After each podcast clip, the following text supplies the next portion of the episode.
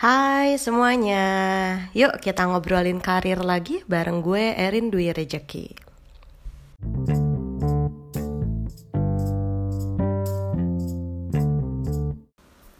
Selamat malam, sorry nih agak telat postingnya untuk yang minggu ini.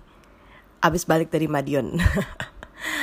Oke, di episode yang sekarang gue akan coba bicara tentang passion. Karena kemarin beberapa teman-teman gue juga banyak yang nanya, Rin gimana sih dapetin passionnya? Rin emang kalau kerja harus sesuai passion. Gimana sih cara nemuinnya? Pokoknya banyak banget. Nah, di episode ini gue cuman pengen cerita sama lo bahwa sebenarnya um, finding your passion atau following your passion itu nggak selamanya advice yang paling perfect atau advice yang paling bagus. Kenapa? Oke, gue ceritain ya. Mungkin kita semua udah sering denger kan kalau ada istilah yang bilang do what you love gitu ya. Terus ada juga yang bilang follow the things that you are excited about. Itu betul, itu works banget buat yang udah tahu apa yang mereka sukain, buat yang udah aware bahwa mereka juga mampu untuk melakukan apa yang mereka suka dan juga buat mereka yang sudah cukup capable untuk melakukan itu semua. Tapi hal itu nggak selamanya justru um, bagus, terutama kalau kita kita yang ternyata merasa bahwa belum menemukan passionnya, terus ngerasa gimana cara ngelakuinnya gitu ya. Nah, ini gue coba um, bahas satu persatu. Kalau kita sudah ngerasa passion tentang sesuatu, kita sudah merasa suka dengan sesuatu.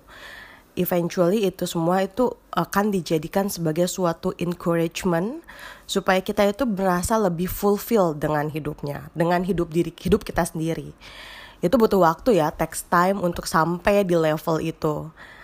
Buat beberapa orang yang beruntung mungkin kayak dua tahun tiga tahun pertama mereka kerja mereka udah langsung nemuin aha ini passion gue ini yang gue suka tapi sebenarnya passion itu sebuah proses, sebuah jalan yang harus lo temukan sepanjang karir lu, sepanjang apa yang udah lu lakuin selama ini dan kayak nggak instan gitu aja.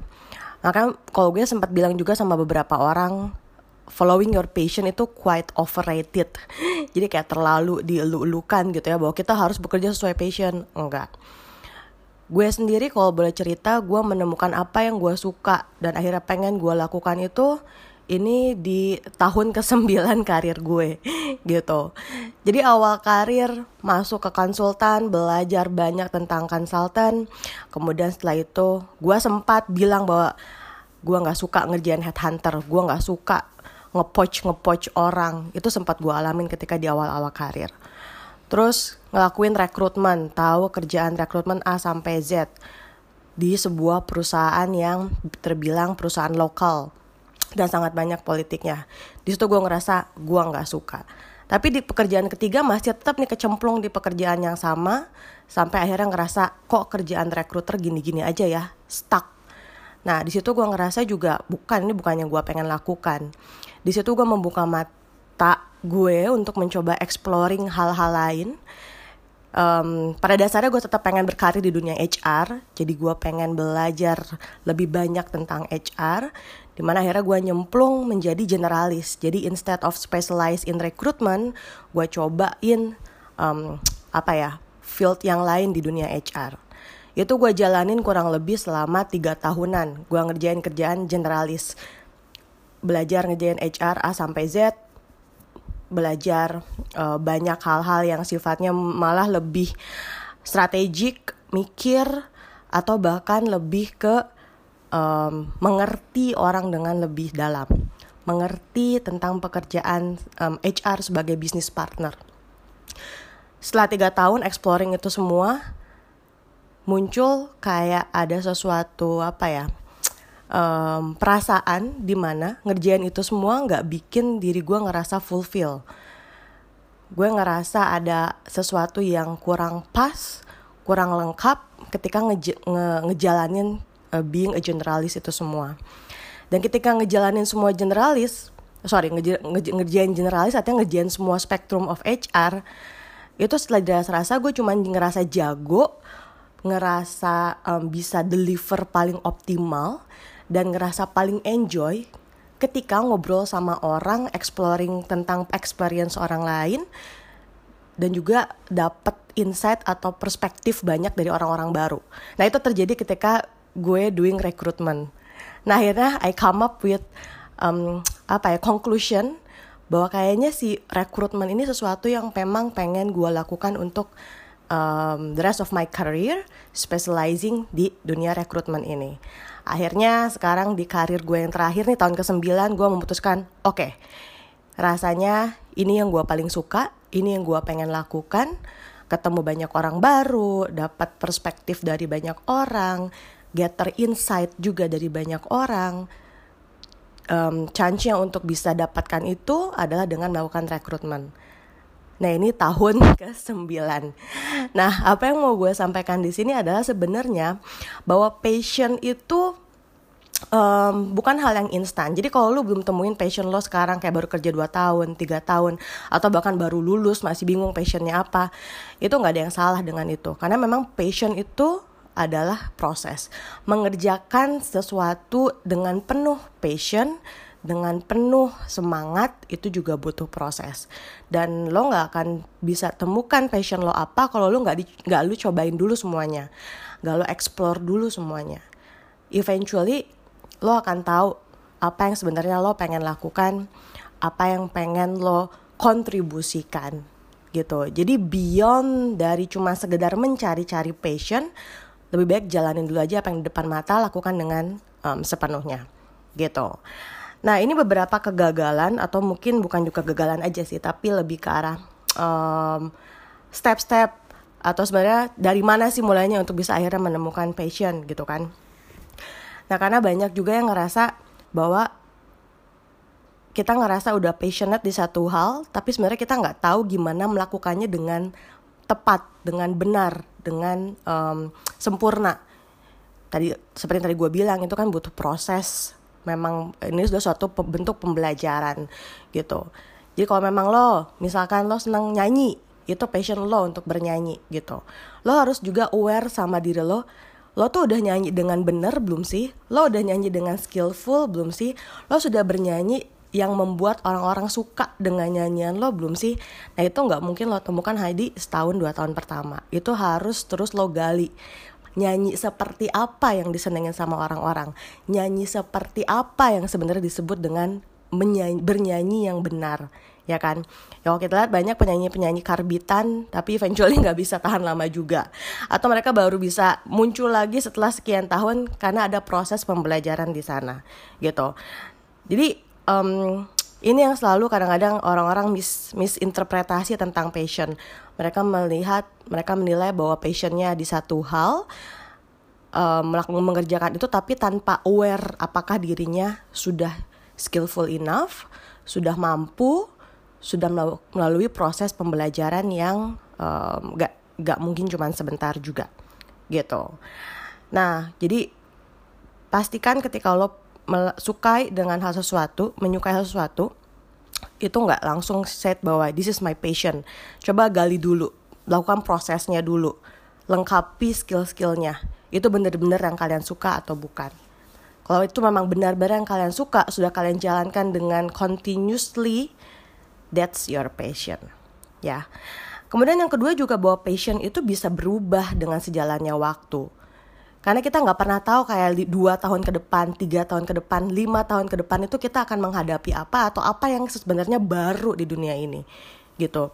Mungkin kayak 10 tahun belakang lo nggak tahu bahwa ada YouTube yang sekarang seheboh ini. Tiba-tiba semua orang mau jadi YouTuber padahal sebelumnya mungkin bukan itu yang mereka pengen.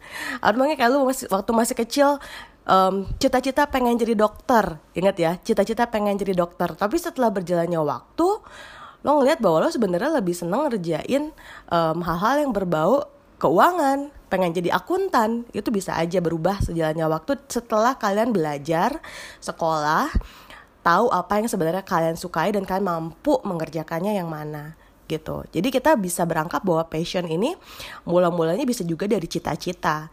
Tapi harus lo lihat juga mampu aware apa enggak oh, lo aware nggak sama diri lo sendiri? Lo uh, bisa melakukan hal tersebut atau enggak gitu jadi apalagi perkembangan zaman sangat cepat ya sekarang. Lo nggak akan pernah tahu kayak lo kalau misalkan sekarang lo menutup mata um, tidak open minded lo bilang cuman lo lo uh, lo cuman suka dengan social media uh, bikin creating content di social media. Tapi lo nggak tahu nanti 10 tahun lagi apa yang akan booming? Gitu. Mungkin nanti ke depannya artificial intelligence udah sangat booming dan ketika lo mempelajari hal itu lo akan menjadi passionate akan hal tersebut. Nah itu. Jadi passion itu juga akan berubah seiring dengan berjalannya waktu. Gitu. Nah terus juga um, ada satu ini yang terakhir nih ya gue ceritain. Ada satu um, seorang mentor uh, karir yang gue suka follow namanya Jody Glickman.